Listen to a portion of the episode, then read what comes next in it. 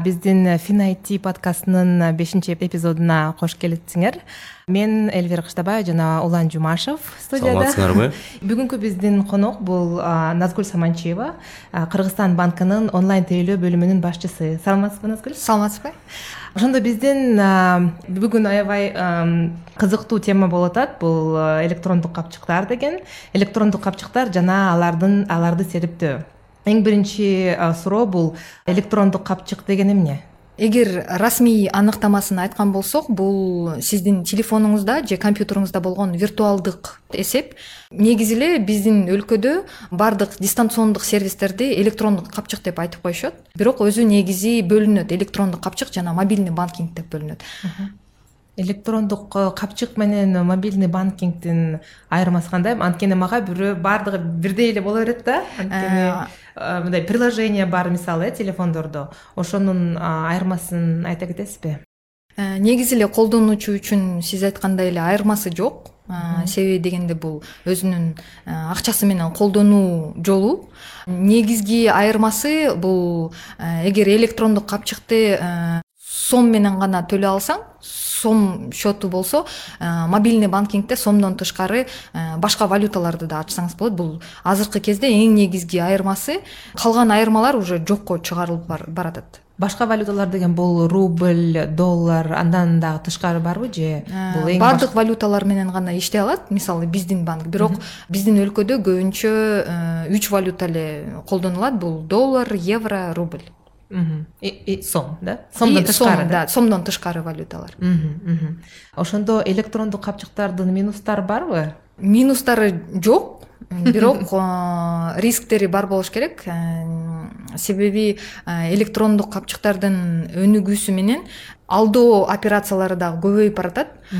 Бул алдоо операцияларынын көбөйүүнүн себеби бул өз колдонуучунун өзүнүн жеке маалыматтарын ошо алдамчыларга мошенниктерге берип коюп атышат. Бул азыркы убакта абдан көп кездешкен проблема болуп жатат.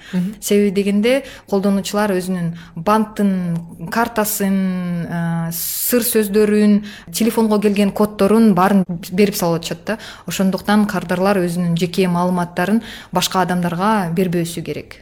Аябай бул жерде кызык бир ситуациялар болот да. Кээде кырдарга бирөө чалат бир номерден. Байке эже азыр сизге смс келет ошонун ичинде код бар.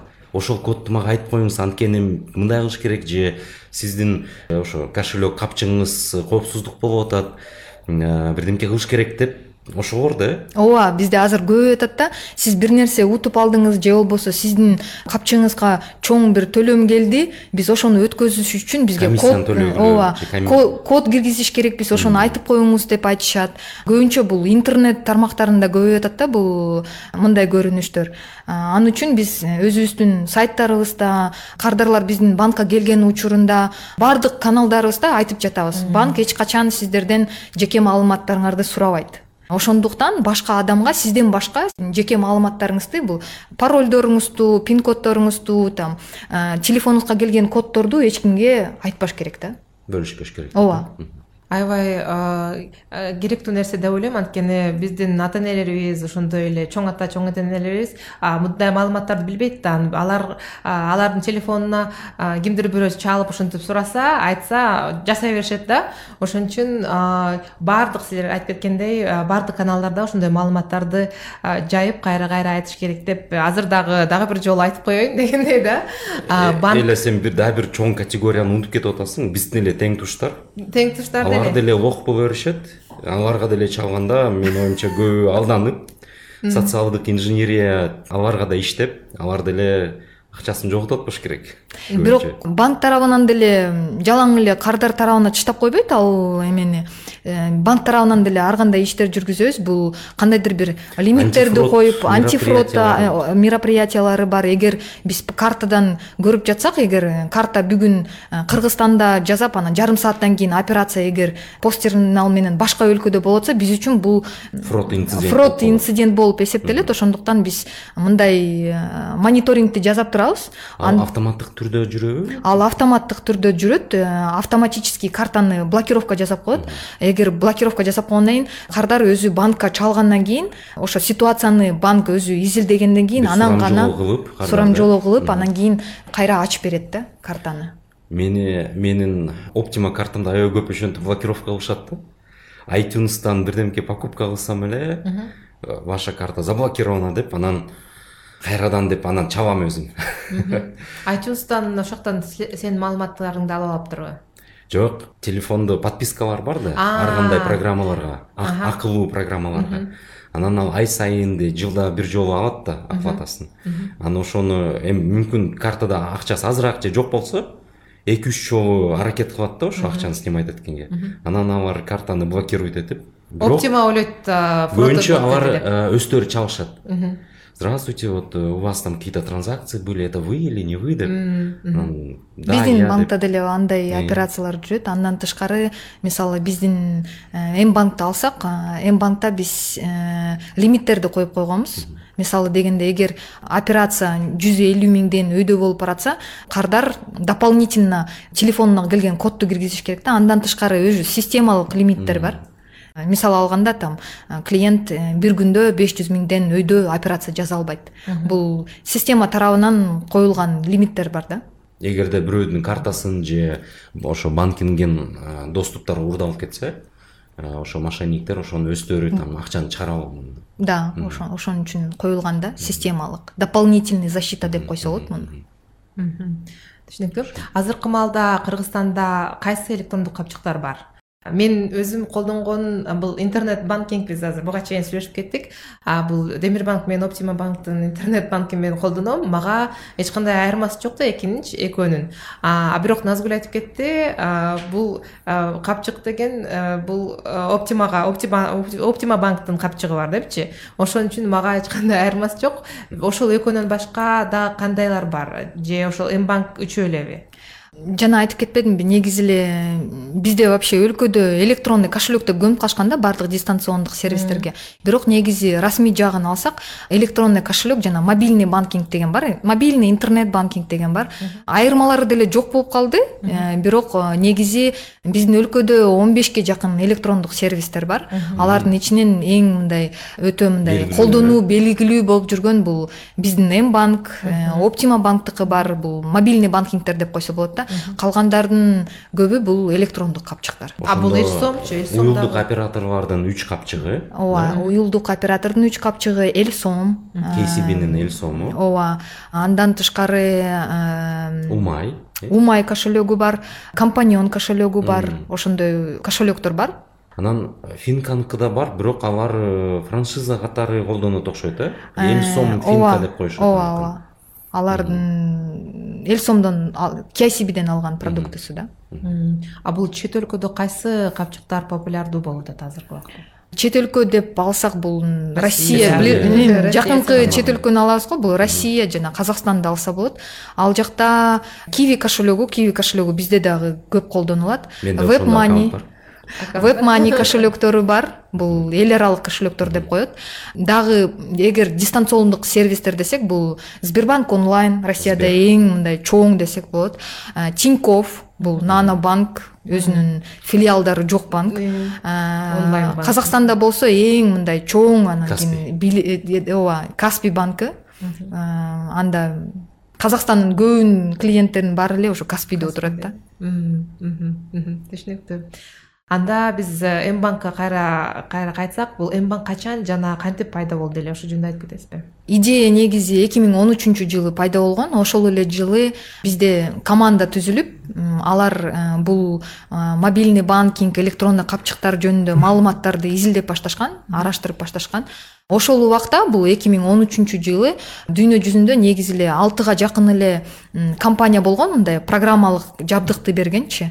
Бул америка канада австрия өлкөлөрүнүн биздин банк германия өлкөсүнүн программасын алган sap компаниясын. Бул проекттин үстүндө негизи банкта бир жарым жыл иштеген команда ооба. Эки миң он төртүнчү жылы биринчи августта официалдуу түрдө иштей баштаганбыз ошол убактан баштап ошо колдонуучунун колдонуу адатын көндүрүү үчүн иштеп баштадык. Абдан чоң жумуштарды жасадык. Биринчи жолу болуп өткөн негизи кыйыныраак кыйыныраак экен. Себеби дегенде анда биз чыгып атканда эки эле капчык бар болчу рынокто элсом и мобильник деген капчыктар бар болчу да. Анан кийин мобильниктин жаткан жери жайлуу болсун. Анан кийин э, бул эки миң жыйырманчы жылы э, биз эгер мурун клиенттин аркасынан кошуп ал деп э, жүрсөк көп түшүнүшчү эмес да. Эки миңчи жыйырманчы жылы пандемия убагында эчке чыга албай турган убакта көп колдонуучулар ушу мобильник мобильный сервистердин маанисин түшүнүштү да. Бизге бул аябай чоң түрткү берди. Негизи ошондо биз колдонуучуга эмне керек экенин көп билип баштадык себеби потребность көбөйүп баштады да мен э, өзүмдүн компаниям жөнүндө кайрадан айтып кетейин дебеймби мен а, улуу британиялык айти стартапта иштейм. Бул онлайн ком- коммерция продукту бар бизде. Ошон үчүн азыр сиз айтып кеткендей эле ошол эки миң жыйырманчы жылы пандемия башталганда биздин клиенттер дагы бирок биздин клиенттер бул э, акшда жана европада жайгашкан да алардын баары бул локдаун болбодубу жабылып эч жака чыга албай ошондо алар дагы баардык э, заказдарды а, тамак аш кийим кече баарын ошо онлайн заказ кылып онлайн төлөшү да? Ал жерде албетте бул көбүрөөк өнүккөн жер деп айтса болот. Мындай онлайн капчык эмес мындай э, банкинг менен же баардык магазиндер деле банкинг менен деле төлөп койсо болот да. Ошон үчүн бизди мен аябай түшүнүп атам. Ал жерде дагы аябай өнүккөн да. Онлайн төлөмдөр заказдар ошондой эле жанагы кимдер э, азыр кыргызстанда дагы аябай өнүгүп кетти го доставкалар. Кичинекей мот- мотороллерди минип алып эле келген. Ошон үчүн ар жака кетип калдым бирок аябай кыйын бирок керектүү жыл болду деп. А, мунун себеби наверное этот негизи азыр банктар финансылык сервистер жалаң гана финансылык сервисти эмес бир экосистема түзүп атышат да. Маркет плейс түзүп атышат э, любой товарды сатып алгандай кылып же болбосо сиз айткандай бул доставкаларды кылып жатышат. Бул тарабында азыр биздин рыноктогу катышуучулар дагы мындай иштеп жатат да. Көптөгөн сервистерди кошуп жалаң гана коммуналдык төлөм эмес башка сервистерди дагы э, e commerce тарабына өтүп. ооба ошо тарабына өтүп баратат да. Ошо э, ошо мен дагы экосистеманы түзүп атат да негизичи. Туура. Ошондо капчыктын иштөө принципи кандай? Сөзсүз банкасында иштөө керекпи? Же уюлдук оператор болсо болобу же түшүндүм уюлдук оператордун астында иштөө бул мындай зарыл эмес. Бирок азыркы учурда электрондук капчыктар банк аркылуу иштөөсү керек. Бул банка нацбанктын талабы болуп атат ооба азырынча ошондой талап бар. Бул эсептөөнү контролдоону кардарларга акчаны төлөп берүү бул банктын милдети ал ошол милдетти өзүнө алат. Бул деген бул процесс негизи кардардын укугун коргоо үчүн жасалган процесс да негизичи. Ошон үчүн азыр электрондук капчыктар э, банк аркылуу гана иштей алышат. Ушуга жараша да бир суроо бар да. Азыр бир жаңылыкты окусам мегакомдун мегапейинде баланстан сим картанын балансынан э, капчыгыңды толтур деп ошондой бир жаңылык чыгып атат да ошондо кандай болуп калат? Мен өзүмдүн сим картамды толтурам балансты. Любой терминалдан болобу. Анан сим картадан менин акчам менин капчыгыма өтүп кетет туурабы ооба. Бирок мен эсимде эки бир жыл мурда эки жыл мурда аябай бир чоң кандай десем скандал эмес. Э, чоң мындай ачуу дискуссия болгон да. Ооба. Банктар менен анан ушу уюлдук операторлор боюнча. Азыр кандайча ушул кайрадан ишке аш баштады да? Эми толуктоо чоң эки миң он сегизинчи жылы болгон. Бул чоң талдоо жүргүзгөн бирок ошол убактан бери эле э, бул система негизи иштеп келатат. Бул сиз э, өзүңүздүн лицевой счет деп коет. Мобилдик оператордун өзүңүздүн балансыңыздагы да. Анан сиз жөнөткөнүңүздө сиз өзүңүз э, электрондук э, өзүңүздүн буйрутмаңызды бересиз. Бул лицевой счеттон менин электрондук эсебиме э, жөнөтүп андан кийин төлөө дегенчи. Ошол ыкма менен иштейт да булчу бул ушундай авансовый платеж катары ооба авансовый платеж болуп которулат да негизи. Бирок колдонуучу үчүн билинбейт ошол тейлеген банк алат. Ооба азырынча банк милдеттүү аны контролдоо эсептөө колдонуучуга акчаны чыгарып берүү бул банктын милдети. М банк азыркы маалда бизнес менен кантип иштейт. Эми жалаң гана э, жеке кардар эмес да силердин колдонуучулар. Бизнесмендер кантип өзүнүн бизнесин э ошол капчыкты колдоно алат. Бизде анча өнүгө элек чын айтканда бул процесс негизи эле. Себеби дегенде э, биздин бизнес э, жаңы жагына гана көнүп келатат. Бул эки миңинчи жыйырманчы жылы ошондо гана билишти да мунун маанисин оңойлугун. Ага чейин биз аябай көп жумуш кылдык. Бизнес үчүн бул биринчи ирет бул колдонуучуга төлөө каналын берүү да. Негизи элечи товарын э, биздин кардар акчаны чечип алуу же убакытын коротуп бир жерге барып акча банкоматка барып акча чечип анан сатып алуудан көрө ошо бизнеске келгенде эгер бизнес ошол эле м банк аркылуу төлөм кабыл алса биздин кардар номер аркылуу эле төлөм жүргүзүп алат. Анан бир жагынан ковид тарабынан караганда бул контактсыз ооба э, бул ооба. акчаны кол менен кармабайсың эчке чыкпайсың төлөйсүң да бирок мен ойлойм биздин ата энелерибиз буга өзүлөрү келмек эмес депчи анткени буга көп ишенбей да кантип эле ошол акча тиги телефондо болуп калсын депчи чоң аталарыбыз чоң энелерибиз ошон үчүн бул ковидке дагы рахмат дебейинби ошону билгенинчи ошону азыр ишенип өзүлөрү деле пайдаланып калышпадыбы э анда эмки суроом бул капчык кантип кирешени табат деген суроо. Мен кичине түшүнүп атам мисалы меники мен айткандай эле эки электрондук капчык же ошо интернет банкинг менен колдоном эки банктын. Анан кийин бирөөсү менен көбүрөөк колдоном анткени мен коммунальный вот услугаларды төлөгөндө ага эч кандай комиссия алынбайт да. А башка банктики алынат. Ошон үчүн азыр э, буга чейин сиз менен сүйлөшүп кеткендей эле мен ошо м банк кыргызстан банкынан дагы өзүмө башка капчык ачып э, счет ачып э, колдонуп көрөйүн деп атам бирок ошол жөнүндө дагы айтып кетесизби. Ооба. Негизги бул электрондук капчык банк үчүн төлөм компаниялары үчүн бул э, өзүнүн кызматтарын сатуу каналы болуп эсептелет. Бул филиалдан көрөөк жаңы тиркеме аркылуу ошо кардарга маалыматты жеткизүү ошого оңой бир ыкмасын берүү каналы болуп эсептелет. Андан дагы өзүнүн ошо төлөм компанияларынын акчаларын чогултуп бергени үчүн ошо компаниялар бизге сыйлык комиссиясын төлөп беришет. Андан тышкары сиз айткандай э, кээ бир операцияларда кардарлардан комиссия алабыз. Негизги киреши ошол жактан чыгат да. Биз үчүн азыр биринчи иретте бул кардарларга оңой жана үйдөн эле отуруп өзүбүздүн кызматтарыбызды сатуу каналы болуп эсептелет. Биздин банк үчүн буга чейин айтып кеттиңер силердин ошо м банкты пополнение кылыш үчүн он миңдей терминалдар бар экен ошол жерден. Комиссиясыз пополнение кылса болот экен э. Бирок мен бир жолу жанагы эл сомго э, регистрация кылып кирип көргөм. Анан кийин ал жерге пополнение кылсаң деле эки сом экен жиберсең дагы эки сом экен алсаң дагы эки сом. Баардык э, движениянын баарына эле акча ала берет экен да.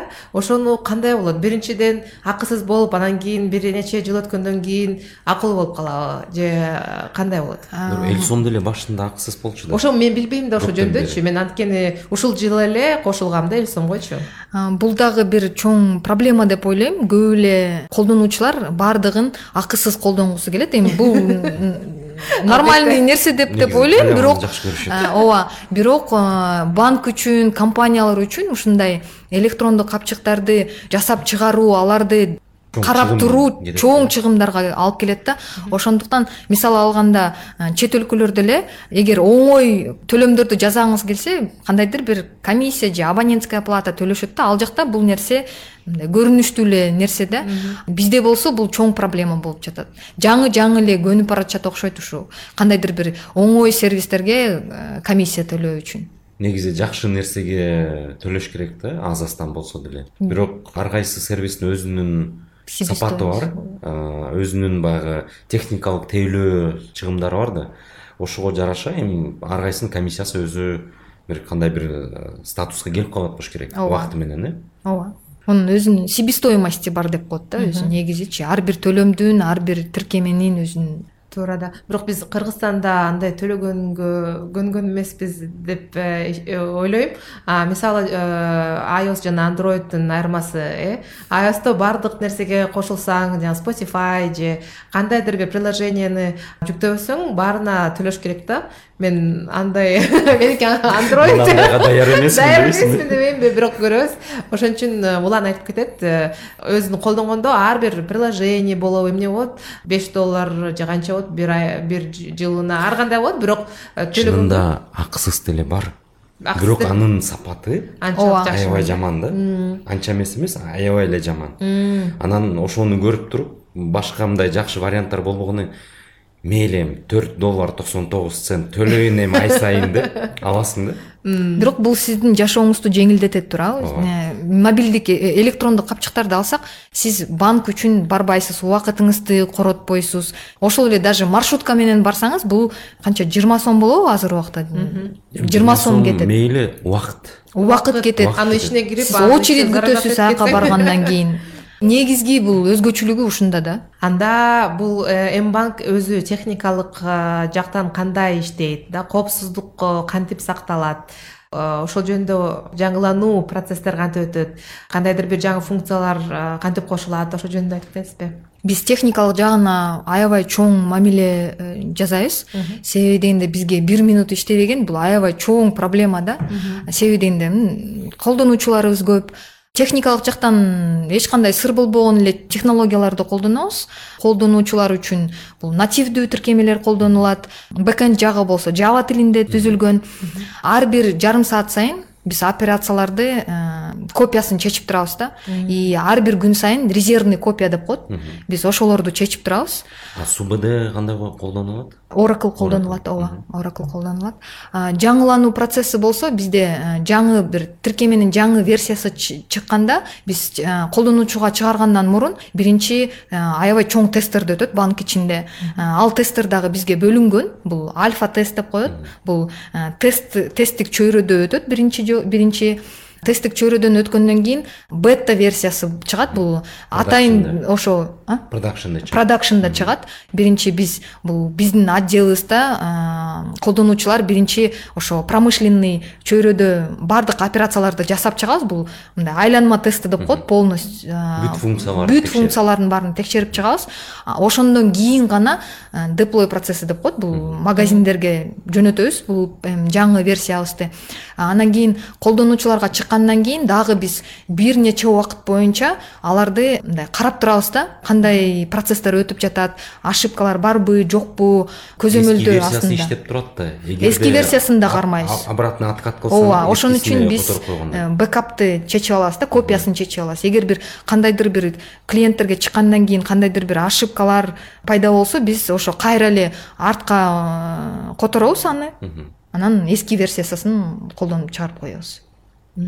Эгерде жаңы версияны киргизгенде силердин а, кардарларыңар а, колдонуп баштаганда э кандайдыр бир туура бир жери туура эмес болуп кетип анан кийин силер түшүнүп атасыңар да ошо баг болуп кеткенин аны кантип билесиңер?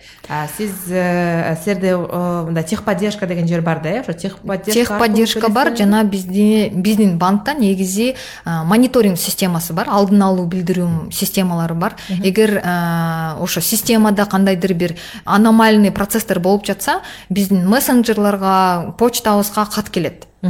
Анан кийин ошо кат келгенде биз ошо тез арадан биздин техникалык колдоо бөлүмдөрүбүз кошулуп анын причинасын билип анан аны жок кылууга аракет кылышат. Ошондо силердин э, технайтларыңар же программисттериңер а, кандайдыр бир дежурный болуп турушабы? Ооба бизде анткени- Күнү түнү иштешет, бизде ар дайым бир техникалык адис жыйырма төрт саат боюнча Сменада иштеп сменада иштеп турат ооба. Бул ошондо техникалык колдоо жагы бул экинчи уровень болуп калып атат э. Биринчи уровеньди айтып берсеңер кимдер? Бул колл центр турат э. Ооба. Кантип иштейт э, кандай заявкаларды кабыл алат эгерде ушу м банк жөнүндө болсо? Биздин колл центр контакт центрибиз жыйырма төрт саат иштейт колдонуучулар э, жалаң гана телефон аркылуу эмес башка мессенджерлер аркылуу дагы кайрыла алышат. Алар кайрылгандан кийин алар суроолорду берип ошо Консультация беришет. Жана эгер кандайдыр бир проблема бар болсо суроолор менен ал проблеманы билип анан кийин техникалык кызматкерге жөнөтөт. Уже жалобаларды таштап. Биринчи обработканы өзү жасайт билген Өздөрү текшере ооба системаларынан карайт эмне проблема чыгып аткан. Эгер өзү аны чече алса биринчи өзү чечет анан чече албаса анда уже техникалык специалистке эме жөнөтөт. Кыскача бир кыстырма айтып кетейин дедим эле. Э. биздин компания seram technologies э, банк кыргызстан банкы менен көп жылдан бери бирге иштешет. Биздин биринчи ошо долбоорлорубуз бул банк кыргызстанга контакт центр жасап чыкканбыз. Ошондой эле кийин менин оюмча банктардан эң биринчи ошо банк кыргызстан эки миң он Он төртүнчү же он төрт болуш керек. Онул чат А. деп э, эң биринчи кыргызстан э, банктарынын арасында whatsapp контакт центр жасап чыгышкан да биздин сервис аркылуучу анан кийин э, башка банктар да аз аздан Жасай кошулуп башташты да. Ошон үчүн бир аз ошентип мактанып коеюн дегем Э, көптөн бери иштешебиз. Биздин сервистерди ошо chat to desk деген анан octel колл центр деген э, системаларды колдонушуп бири бирибизге ушундай мындай десем взаимовыгодный партнерство болуп жатышат азыр эгерде ошо чат тудес жөнүндө сүйлөшүп кетсек ошо чат тудес силердин отделде азыр кантип колдонушат эми бул негизги инструменттердин бири болуш керек. Биз бул өзүбүздүн арабыздагы болгон байланышты партнерлор менен болгон байланышты сервистер аркылуу колдонобуз. Да мессенджерлер аркылуу колдонобуз. Сиз айтып кеткендей эле контакт центрге биздин колдонуучулар чалганында э, биринчи биз ошо байланышты контакт центр менен биздин өзүбүздүн мессенджердагы группаларыбыз менен колдонобуз. Билебиз да ошол аркылуу. Эң негизги инструменттердин бири бул ал э, чат тудеске кандай а, мессенджерлер бар? Бул whatsapp telegram дагы ооба whatsapp telegram skype мессенджерлерин колдонобуз. Фейсбуктан жазса болобу же ошон ошол эле э, мессенджерлер телефон аркылуу номер аркылуу кошулган э, мессенджерлер э биз баардык мессенджерлерди эле колдоно беребиз бирок негизги э, ошо болуш керек, э, whatsapp менен колдонобуз. Азырынча биз телеграмга өтүп баратабыз негизи көбүн эсе а так мындай whatsapp менен колдонобуз да көбүнчө. М, а бирок онлайн чат деген барбы? Ал а, өзүнчө болот го онлайн чат? Мисалы а, а баягы сайттагы онлайн сайттагы онлайн чат. М, азыр жок го силерде? А, андай жок. Себебинде бизде телеграм бот бар. Андан тышкары whatsappка биздин тиркеме мбанк аркылуу чалса болот жазса болот. Андан тышкары почталарга жазышат. Форма да бар э сайтта? Сайтта көптөгөн формалар бар ал жактан клиенттер өздөрүнүн кандайдыр бир суроолорун же проблемаларын арыздарын жөнөтүп турушат да. Мгм. бул н банкта азыр кандай жаңылыктар бар? Балким кандайдыр бир кызык э, функциялар чыгарылдыбы? Жаңылыктар көп эле негизи эле мбанкта көптөгөн сервистер бар. Бүгүнкү күндө деле бирок эң негизги жаңылык бул бул күздө бизде чоң жаңылануу күтүп атат. А, биз жаңы жаңы функцияларды кошуп жатабыз. Эң негизги жаңылуунун максаты бул биздин колдонуучунун банкка келүүсүн жокко чыгаруу да баардык талаптарын ошо уюлдук телефону аркылуу канааттандыруу эми максаты турат да ошон. Күзүндө жаңы аң- чоң жаңылануу болот бизде. Бул qr код аркылуу төлөмдөрдү жүргүзүү бул абдан тез жүргүзүүлөр андан тышкары колдонуучуларга жагымдуу интерфейс чыгарабыз чет өлкөлүк сервистерди чыгарабыз. Көп көп жаңы жаңы жаңылануулар чыгат да. То есть биз м банк аркылуу чет өлкө чет өлкөлүк онлайн интернет магазиндерде төлөй алабыз. Э, ошол максатында биз иштеп жатабыз да. Түшүнүктүү. Ошондо бул кыргызстандык капчыктар чет өлкөгө дүйнө жүзү деңгээлине чыга алабы? Андай талаптар барбы чыга алат. Мен ойлойм баардык финансылык катышуучулар өздөрүнүн бир алыскы пландарында андай бар болуш керек. Жок дегенде биздин кардарлар ошо биздин капчыктар менен чет өлкөгө чыкканда жакынкы эле чет өлкөлөргө чыкканда колдонуу жолдору болуш керек өзүнүн капчыгынынчы. Бул төлөм жүргүзүү жолдору болуш керек. Биз ал жагында дагы иштерди жүргүзүп атабыз. Негизи болот. Азыр деле көптөгөн снгдеги банктар менен интеграциялар бар силерде. Анан банктар эмес а, жаман банк эмес жанагы акча жөнөтүү акча которуу системалары менен мен акыркы ушу жаңыланууну көрсөм сбербанк менен интеграция пайда болуптур анан ошо денежный переводдор менен. Ушул тарап менин оюмча негизи жакшы направление болуп жатат. Анткени биздин көп мигранттар россияда казакстанда башка чет өлкөлөрдө иштешет. Да анан мен билгендей алар негизи банк аркылуу жөнөтүшчү да.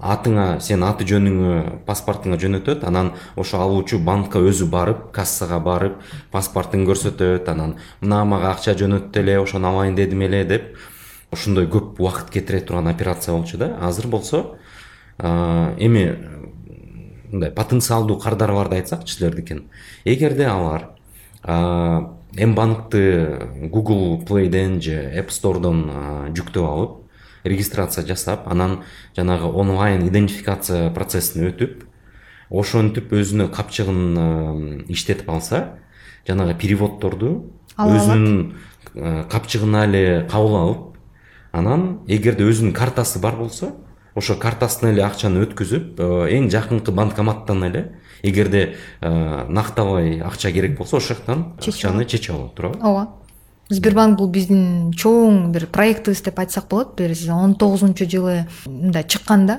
Биз ошо сбербанктын экосистемасына перевод боюнча акча которуу экосистемасына снг банктардын ичинен биринчи болуп чыкканбыз. Биз үчүн бул чоң жетишкендик себеби дегенде биз россияда болгон жарандарыбызга акча которуу жолун аябай жөнөкөйлөттүк да. Эгер сиз айткандай мурун биздин мигранттар акча которуу үчүн бир банкка барып же болбосо терминалдарга барып тиги жактагы переводдо жеңилирээк болуп калыптыр ооба эгер картасынын номерин же болбосо банковский реквизит деп коет ошолорун жаттап сурап ооба ошолорду жаттап жүрсө биз ошо эки миң он тогузунчу жылы телефон аркылуу гана карта эмес телефон аркылуу эле которууну мындай киргиздик да. Бул үчүн бул бир чоң эме шаг болду да негизичи бул м банктын бир өзгөчөлүгү экен да. Эң биринчилерден ошону эң биринчи снгда эң биринчи банк болуп кошулганбыз биздин ушу финаити подкасттын алкагында мен баягы орусча айтканда я всегда топлю за бизнес дегендей анан м банкты бизнесмендер бизнес алкагында колдонуу жөнүндө сүйлөшөлү. Мисалы ар кайсы бизнесмен бизнес мисалы магазин. Цветочный магазин болобу же интернет магазин болобу. Алар силердин капчыгыңарды как жеке адам эмес как бизнес катары кошо алат туурабы. Мерчант деп коет го. Анан э, эгерде бирөө анын кардарын төлөйм десе мисалы менде өзүмдө м банк бар ада акча бар мен ошол э, провайдерге акчаны жөнөтсөм болот туурабы. ооба ушул э, кызматын мен бир аз мен өзүм crmщикмин да. Crm системаларды киргизүү жагынан адис болгондон кийин биз азыркы ушул жылы чоң бир э, мындай өзгөрүүлөрдү киргизип баштадык. Бизде оймо crm деген система бар да. Кыргызстандык crm система кардарлар менен иштей турган. Биз жаңы модулду иштеп баштадык. Азырынча о деньги анан м банктын баягы аписин да изилдеп баштадык. Мындай жаңы функцияны киргизейин деп атабыз. Эгерде силерде интернет магазин болобу же кандайдыр бир э, товарды же кызматтарды сатсаңар crmдин ичинен кардарды табып чыгасыңар же кардардын заказын тапсаңар ошол жерде жаңы мындай кнопка пайда болот да выставить счет э, мындай биз өткөндө сүйлөштүк элек экөөбүз счет фактура счет оплатуну кантип которобуз деп э? Кыргызчага төлөм эсеп төлөм эсеп же эсеп эсеп чыгаруу деп деп койсок болот. Crmдын ичинен ошо бир заказ келип түшсө интернет магазинден ошол жерде жаңы кнопка пайда болуп калат. М банк аркылуу төлөм. Ошону басканда кардарга запрос келет. Мынакей силер бизден мону могул товарды же заказды заказ кылдыңар суммасы мынча м банк аркылуу мону бассаңар төлөйсүңөр деп. Анан мен түшүнгөн боюнча мындай ал активдүү баягы дип линк болуп калат туурабы. Кардар ошо дип линктти шилтемени басса анын м банкы ачылат м банкта эмнени сатып алып атат ошонун суммасы анан кимге төлөп атат? Мисалы банк э, магазин там flowers деп коелук э, гүл саткан магазин. Ошону көрөт анан оплатить десе анын балансынан акча ошол э, продавецке акчасы которулат. ооба ушундай жаңы бир биздин ушу оймо crmди киргизейин деп атабыз. Анткени биз деле ошо локдаун жыйырманчы жылы локдаун анан онлайн негизи онлайн оплатанын талаптары көбүрөөк болуп көбү сурап баштагандан кийин ушундай идея пайда болду да. Ошон үчүн эгерде силер э, ишкер болсоңор э, бизнесмен болсоңор анан э, онлайн оплатаны толук кандуу интеграция кылабыз десеңер өзүңөрдүн crm системага өзүңөрдүн сайтыңарга ошо биздин компанияга crm технологический кайрылсаңар болот биз ошол автоматизацияны силердин бизнеске жасап беребиз. сонун айтып кеттиң. Эме жөнүндө биз ошо эмбактын капчыктары жөнүндө дагы сүйлөшүп кетейин дедим эле. Бул өзү кандай айырмасы бар? Оптима жана демирден мисалы. Улан буга чейин айтып кеткен башка банктарга да жиберсе болот э? Башка банктын счетуна. Кандай башка карталарга. Башка карталарга ушул менин оюмча азыр м банкты көптөгөн капчыктардан айырмалайт. Анткени м банк бул эгерде баягы феодалдык өлкөлөр деп коет го. Ар кимдин өзүнүн ичинде өзүнүн валютасы бар өзүнүн армиясы бар өзүнүн полициясы бар.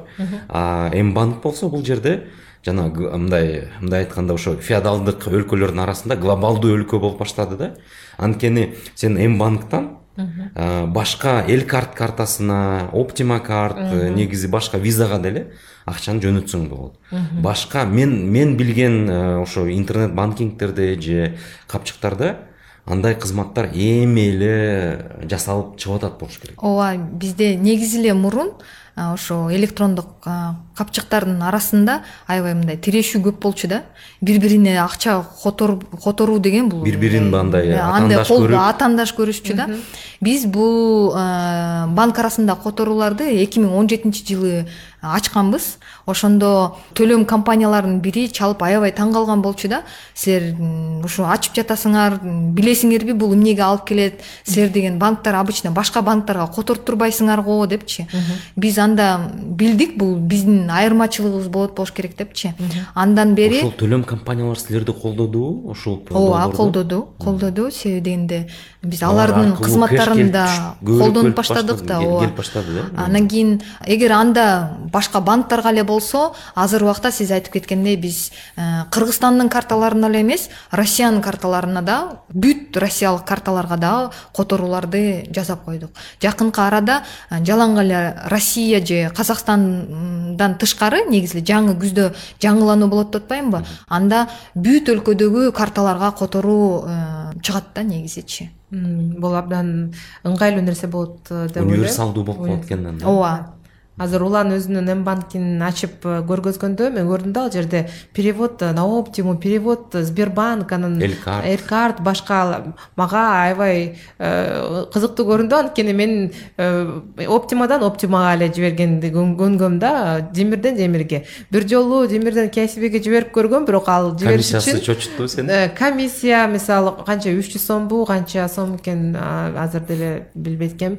Анан жибериш үчүн бул саат он бирге чейин жибериш керек. Анан кийин моундай узун кодту ошол счетту билиш керек. Андан тышкары аты жөнүн осо бирдеме сирдеме ошолордун баарын билиш керек да. Ошон үчүн бул абдан ыңгайлуу нерсе деп ойлойм. Улан дагы суроолоруң барбы? Менин суроолорум. Менин суроолорум баары бүттү чоң рахмат. Сиздерге чоң рахмат чакырганыңарга. кызыктуу талкуу болду. Рахмат. Саламатта калгыла. Саламатта калгыла